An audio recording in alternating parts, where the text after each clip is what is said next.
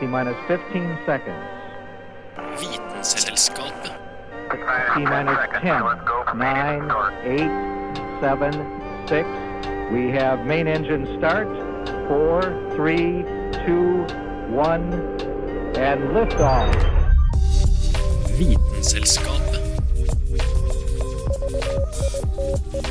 Vitenselskapet på Radio Nova.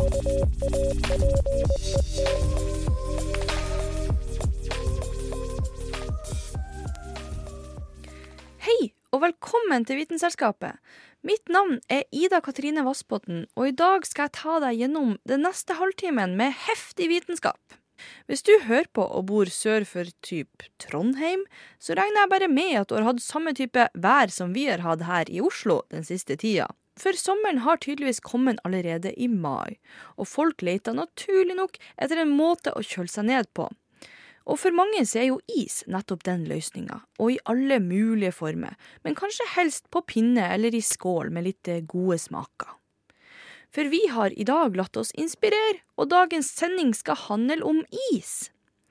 Og i vanlig Vitenselskapet-form så skal vi innom mye rart som har med is å gjøre. Og vi har også utført et smakfullt eksperiment som vi tror dere alle vil høre på. Velkommen til Vitenselskapet. Hæla i taket med Vitenselskapet.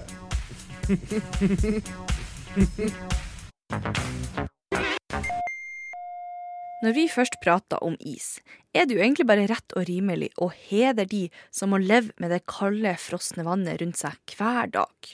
Du skal få høre om en fyr som heter Frank.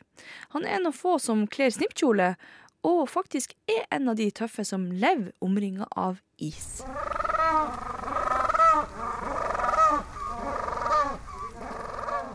«15.095 km sør for Norge ligger det en islagt verdensdel kalt Antarktis. Også kjent som Sørpolen. Der er det kaldt året rundt, og ikke særlig fristende å bosette seg. Men det er noen som bor i det, ja, det jeg tror de ville kalt et paradis. La meg introdusere deg for Frank. Han veier ca. 30 kilo og er nesten 1 meter høy. Frank kan svømme under vann i hele 18 minutter og kan dykke ned på 265 meters dyp. Det er langt nede. Frank er nemlig en keiserpingvin og er en av den største i pingvinarten. Pingviner er en orden av fugler med 17 arter.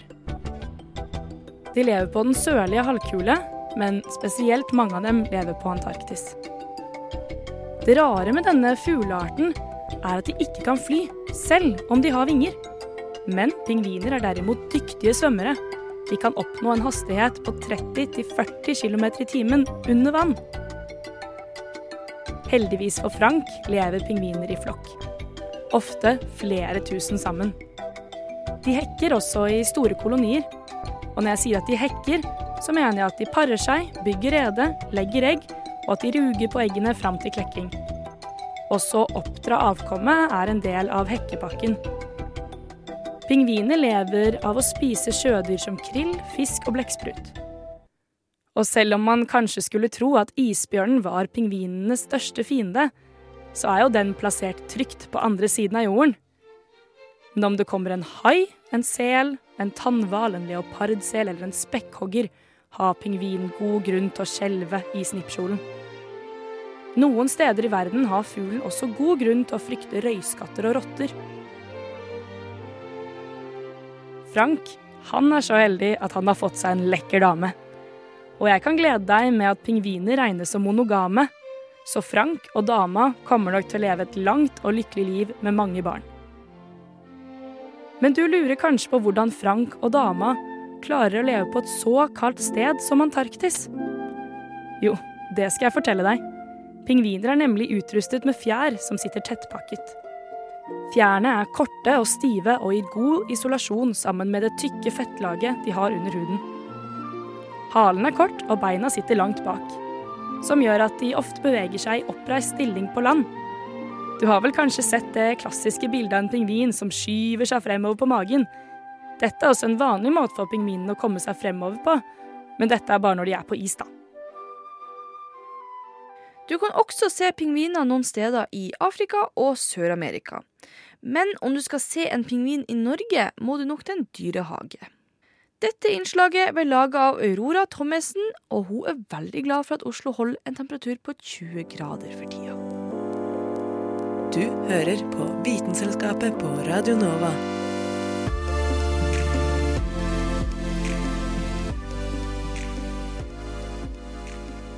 Det som er litt artig med at det faktisk er jeg som er programleder i denne issendinga, er at jeg er en av de som ikke er så veldig fan av is. Da snakker vi frysninger når jeg leter etter noe i fryseren pga. lyden av is som skraper. Jeg takker som oftest alltid nei til isbiter i brusen min, for jeg syns ofte at det blir for kaldt, og jeg liker ikke å få isbiter mot tennene eller mot munnen. Og sist, men ikke minst, så er jeg jo ikke så veldig venn med laktoseis, og unngår egentlig da generelt mye is. Jeg syns det er så kaldt. Så det finnes sånne som meg også. Men nok om det. For vi kan jo faktisk ikke ha ei sending om is uten å ta med oss det som mange mener er den beste formen for is, nemlig iskrem. Og for å si det sånn, det var ikke akkurat vanskelig å få Anna og Kristin til å lage ukas eksperiment.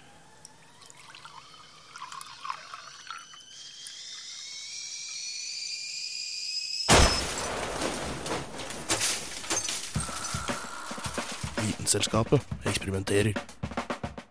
Ja, hva skal vi gjøre i dag nå? I dag så skal vi lage softis! eh, og det er jo veldig kjekt å kunne lage softis eh, selv hjemme, og derfor lager vi det nå for dere, sånn at eh, vi kan teste ut om det funker bra, eh, så kan dere gjøre det seinere. Og det er egentlig ikke så mange ingredienser man trenger. Eh, hva er det vi har her, Anna? Vi har eh, vanlig Tine lettmelk, og så har vi kremfløte, eh, vaniljesukker og sukker, som er selve isen. Men vi skal lage det i en slags ispose med salt, som er selve kjøleelementet i fryseboksen, kan man si. Det er spennende. Skal vi bare blande ingrediensene. Vi kan jo bare helle det i Vi har en sånn vanlig brødpose som vi har gjort klar her. Så skal vi se, skal jeg holde den litt, så kan du helle det i. Ha på den tett.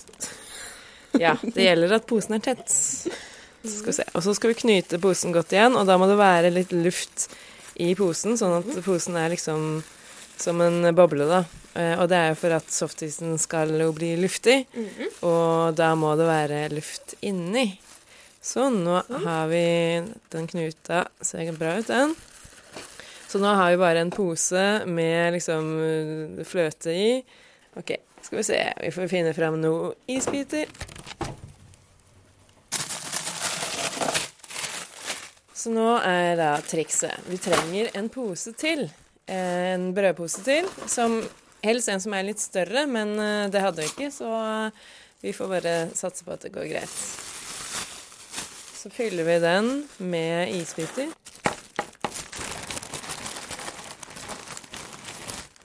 Det ser bra ut, det. Så nå har vi en brødpose med softisblanding, en brødpose med eh, isbiter, og så er det trikset eh, for å få til denne isen. Da må vi ha salt. Det kom ikke så mye Det var ikke så bra åpning. eh, Ti spiseskjeer salt, da. Så det er veldig mye salt som skal Ja. oppi. Bare la det renne. Ja. Høres ut som det regner. Ja.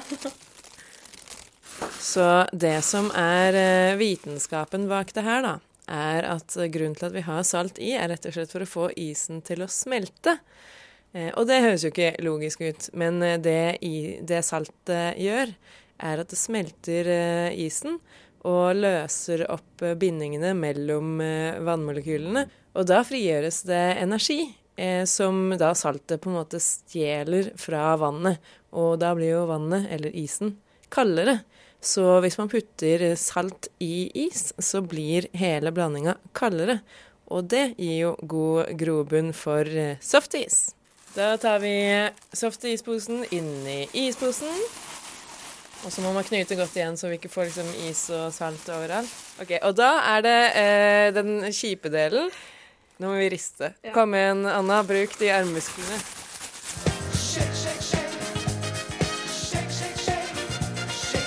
Da har vi rista i ca. sju minutter, og nå har vi rett og slett ikke armmuskulatur mer.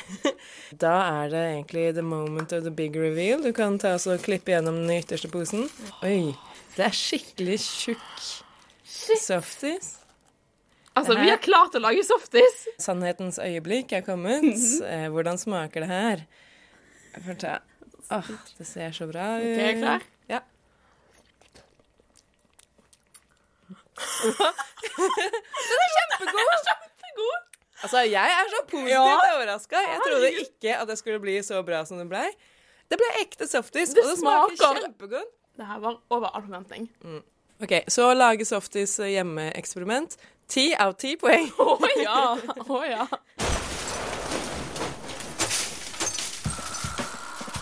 Vitenselskapet eksperimenterer. Hvis du vil se hvordan Vitenselskapets softis ble, så kan du følge oss på Instagram og sjekke den ut der. Der heter vi Vitenselskapet. Hvis du vil smake den, må du midlertidig riste din egen. Vitenselskapet.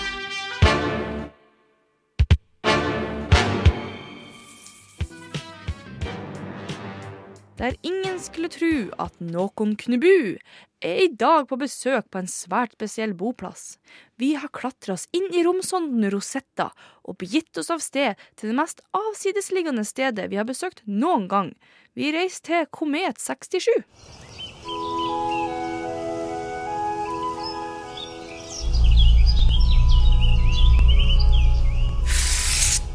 Nei, hei, her er dere, ja. Ja, jeg sitter bare her og nyter den fem og et halvt år lange sommeren på kometen 67P slash Churyumov-Gerasimenko. Men alltid hyggelig med gjester. Gikk turen med Rosetta greit? En ti år lang reise fra jorda, ja. Ja ja, det er jo en liten tur, det. Sett dere ned og slapp av. Se, her har dere en drink. Så skal jeg fortelle litt om kometen dere har kommet til. Dere vet hva en komet er, ikke sant? Ja, ja, det er jo mye tid til å lese seg opp på veien, skjønner jeg. Da vet dere jo at eh, en komet er eh, relativt små himmellegemer som kretser rundt sola. I hvert fall gjør de fleste av dem det. Og kometene består av frosset vann, altså is, stein, frosne gasser og en del støv og skitt. Ja, beklager at det er så skittent og svart her, altså. Men det mest spektakulære trekket ved kometer er jo kanskje de lange komethalene. Når en komet passerer sola, så varmes den opp. Og når isen smelter, så frigis en del av gassene og støvpartiklene på overflaten, som skaper en lysende gassky rundt kometen, som kalles en koma. Grunnen til at gassene samler seg i haler bak kometen, og at komaen ikke bare er én stor, rund sky, er at strålinga fra sola dytter støvpartiklene utover til en støvhale. Og ladde partikler fra sola omdanner gassene til ioner, som danner en ionehale. Kometer kan altså ha flere haler, som består av henholdsvis støvpartikler og ionisert gass. Men felles for halene er at de alltid vil peke vekk fra sola, fordi det er sola som dytter bort partiklene.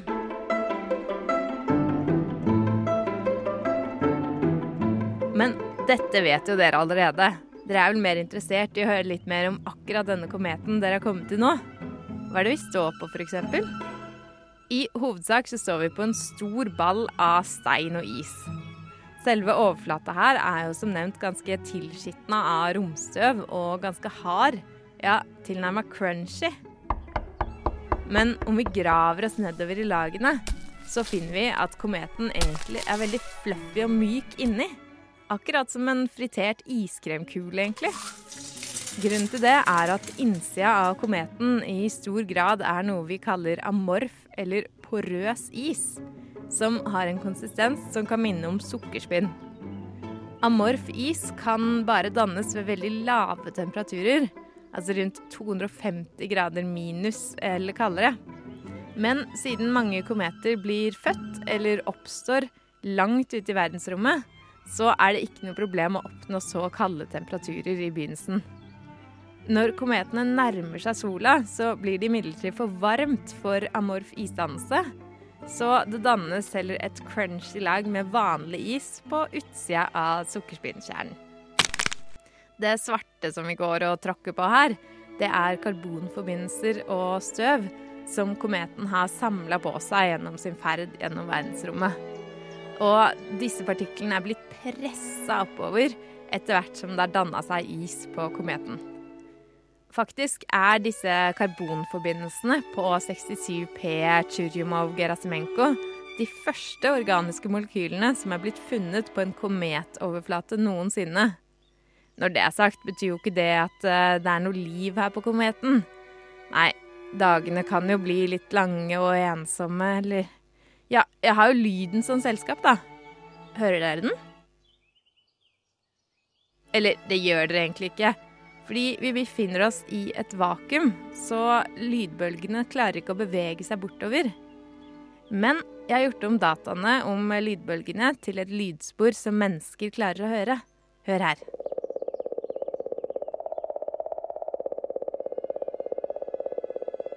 Hva som forårsaker lyden?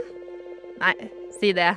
Forskerne sier at den kommer fra ladde partikler, altså plasma, som skyter ut fra kometen og som interagerer med det magnetiske feltet her. Hvis dere kan tenke dere at det magnetiske feltet er en hageslange, og plasmaen er vannet som strømmer gjennom den med høyt trykk, så er liksom lyden bevegelsen som skapes i hageslangen. Dere vet når hageslangen beveger seg fra side til side. Grunnen til at det dannes en lyd, er egentlig at plasmaen utløser en ustabil elektrisk strøm som utøver en kraft på magnetfeltet. Men hageslangeanalogien er egentlig ganske treffende. Ikke at det ville blitt så mye til vanning her på kometen, da. Vannet ville jo blitt til is lenge før det kom ut av hageslangen. Eller det ville fordampa med en gang, avhengig av hvor vi befinner oss i forhold til sola. Enten for varmt eller for kaldt og veldig skittent. Sånn er livet her på kometen. Men nå har jeg i hvert fall fått selskap. Dere har jo ikke nok energi til å komme dere tilbake til jorda med Rosetta. Så dere er faktisk stuck her på meteoren resten av livet. En drink til?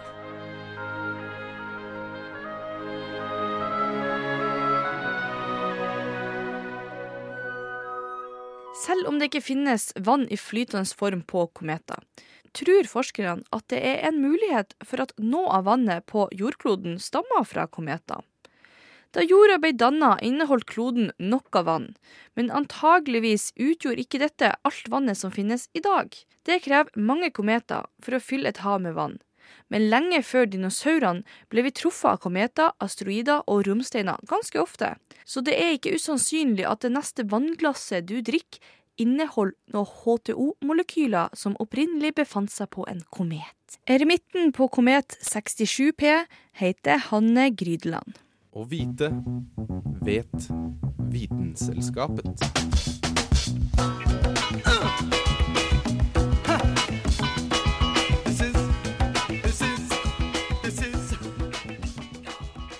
til en annen type form for is. Og dette er en is som ikke bare jeg kommer til å unngå, men faktisk som alle dere andre også bør unngå å nyte på en varm sommerdag, nemlig tørris.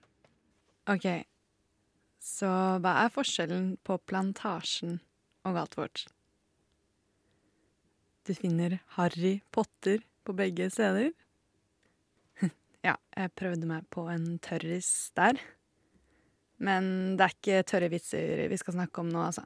Selv om jeg kan love deg at jeg har nok av vitser på lager.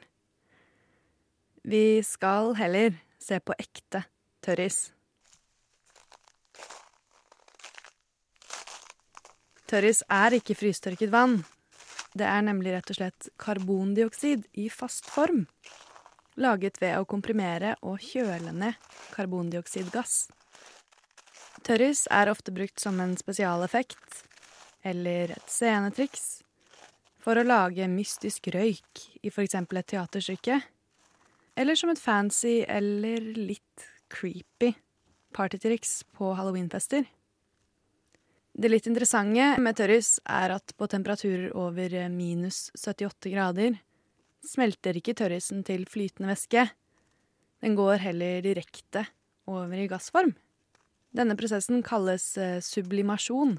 Blander du da litt tørris oppi vann, eller en annen form for væske, f.eks. alkohol, vil det, nettopp fordi det sublimerer, skape en slags røyklignende tåke. Og du kan til og med lage en slags bombe, eller eh, hvis du vil ta den litt lenger, da, en liten tørrisrakett. Den mest vanlige, og kanskje ikke like spennende, bruken av tørris, er som kjøle- og frysemiddel i mattransport og lignende. Med sin ekstremt kalde overflatetemperatur, minus 78 grader, virker tørrisen konserverende da den dreper bakteriene, og maten vil være like frosset når den ankommer destinasjonen sin. Fordi karbondioksid sublimerer og blir direkte omdannet til gass, trenger du heller ikke risikere å sitte igjen med masse smelta vann, som du ville hatt med normal is. Tørris har med andre ord mange bruksmåter, men du bør være veldig forsiktig når du håndterer det. Det er nok av folk på YouTube som likevel prøver, eller i hvert fall hevder, at de holder eller spiser tørris. Also, dry ice is very dangerous, right? Don't ever put it in your mouth and chew it up. Only trained physics demonstrators should ever loose off like that.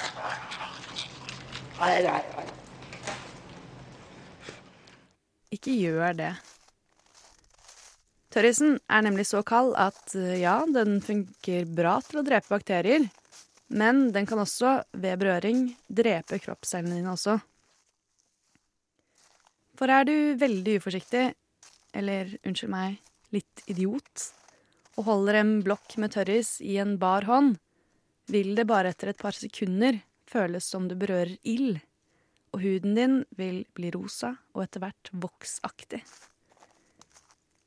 Ignorerer du dette og smerten, og fortsetter å ta på den kalde isen, vil de ytre hudlagene etter hvert fryse, og vil føre til skader som ligner brannskader.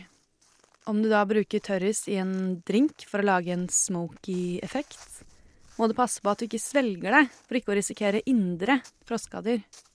I stedet for å føles kjølig vil det heller være som å drikke helt nykokt vann.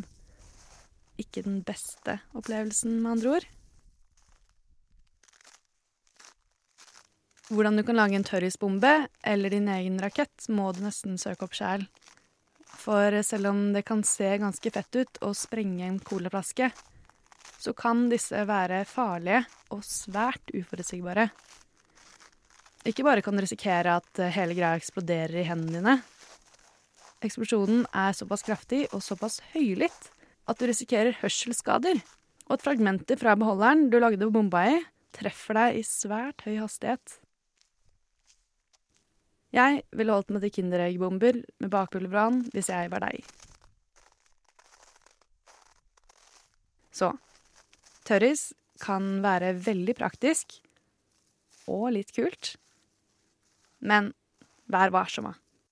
Og denne litt tørre saken var laga av Sunniva Sol Stannes Blix.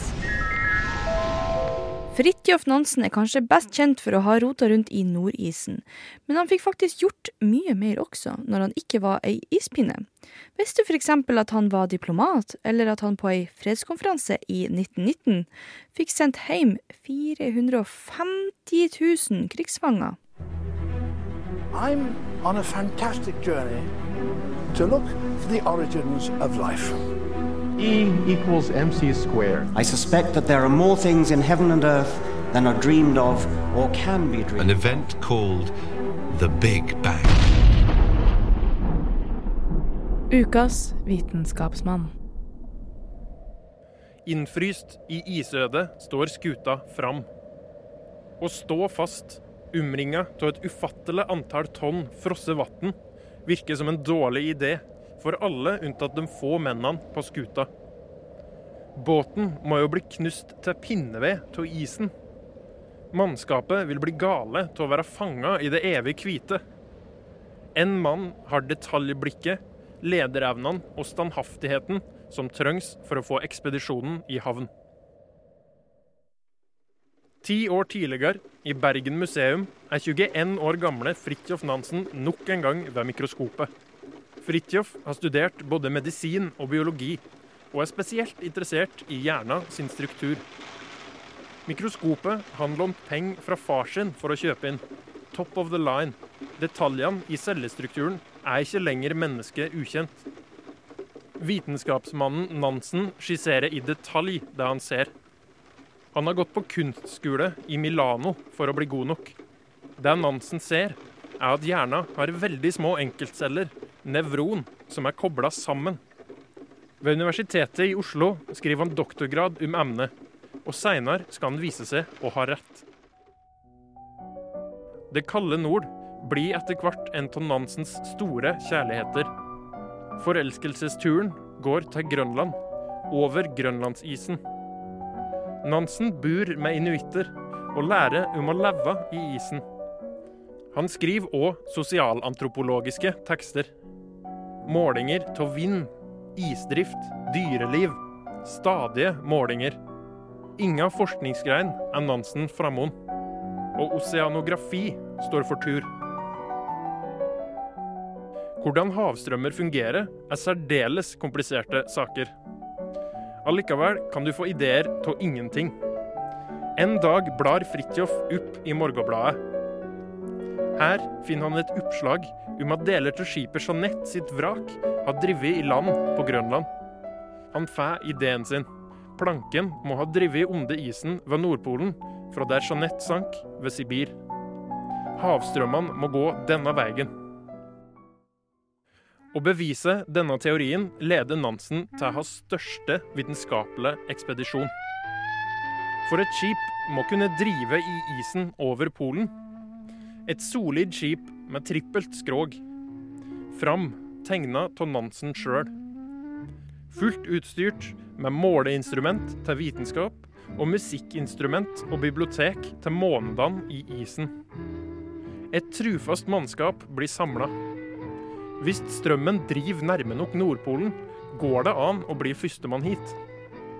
Alt går etter planen, og skuta fryser fast. Moral holder seg ved like, og mannskapet klarer seg gjennom to vintre. Når sommeren kommer på ny, ser Nansen at Nordpolen er i sikte, og tar med seg Hjalmar Johansen for å gå over land til Polen. Nansen og Johansen ser dessverre at den arktiske sommeren blir for stutt, og de må snu før de når Polen. På tur sørover snubler de borti en engelsk kaptein og får skyss tilbake til Norge. Nansen blir feira som en helt, en vaskeekte polfarer. Alt stoffet Nansen har samla, bearbeider han i ettertid. Detaljert forskning, men òg personlige skildringer, blir utgitt i et utall bøk. Nansen blir oppnevnt til professor ved Universitetet i Oslo. Men det skal vise seg at forskerkarrieren bare er den første av mange.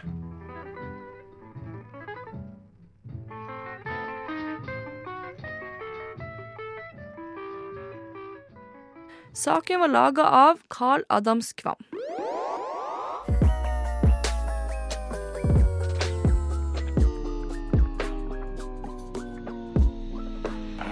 Vitenselskapet.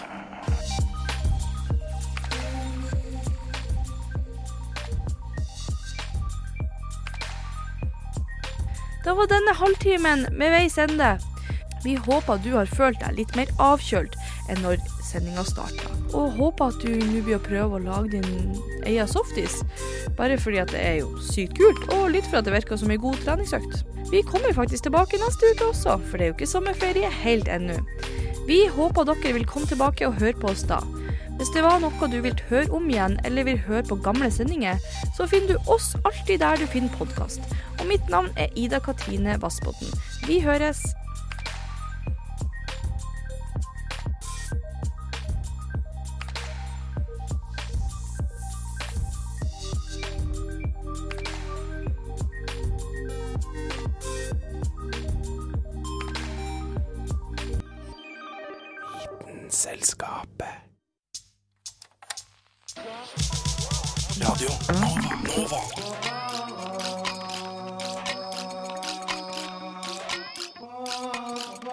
Siden 1982 har Radio Nova gitt deg favorittmusikken din før du visste at du likte den.